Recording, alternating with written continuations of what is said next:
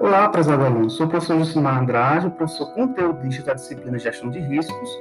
Gostaria de tratar com você dois temas muito importantes dentro do gerenciamento de riscos, que é o conceito de risco sistemático e o conceito de risco não sistemático.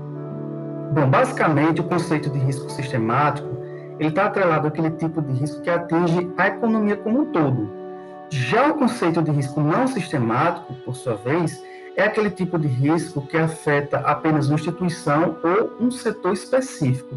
Então veja que quando as empresas elas pretendem fazer o gerenciamento de riscos, elas devem observar quais as variáveis que fazem parte do conceito de risco sistemático e quais variáveis fazem parte do conceito de risco não sistemático.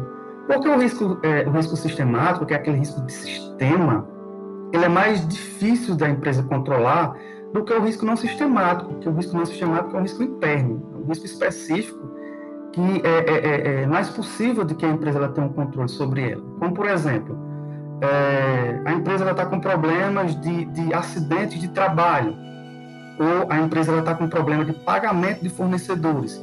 Esse é um tipo de risco que pode acontecer na empresa, mas o controle é maior porque é um tipo de risco que é inerente a ela. Por isso que ele é chamado de risco não sistemático e que ele é mais fácil para a empresa ter um controle.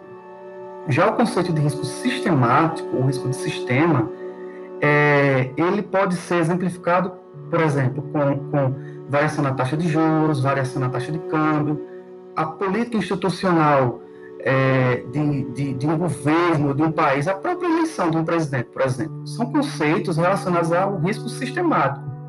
Então vejam que o risco sistemático ele é de difícil controle, porque a empresa, ela no geral não tem nenhum tipo de ação, ela não tem nenhum tipo de controle sobre as variações desse, desse tipo de risco e sobre o, sobre o impacto que esse risco ele tem sobre a empresa, tá ok?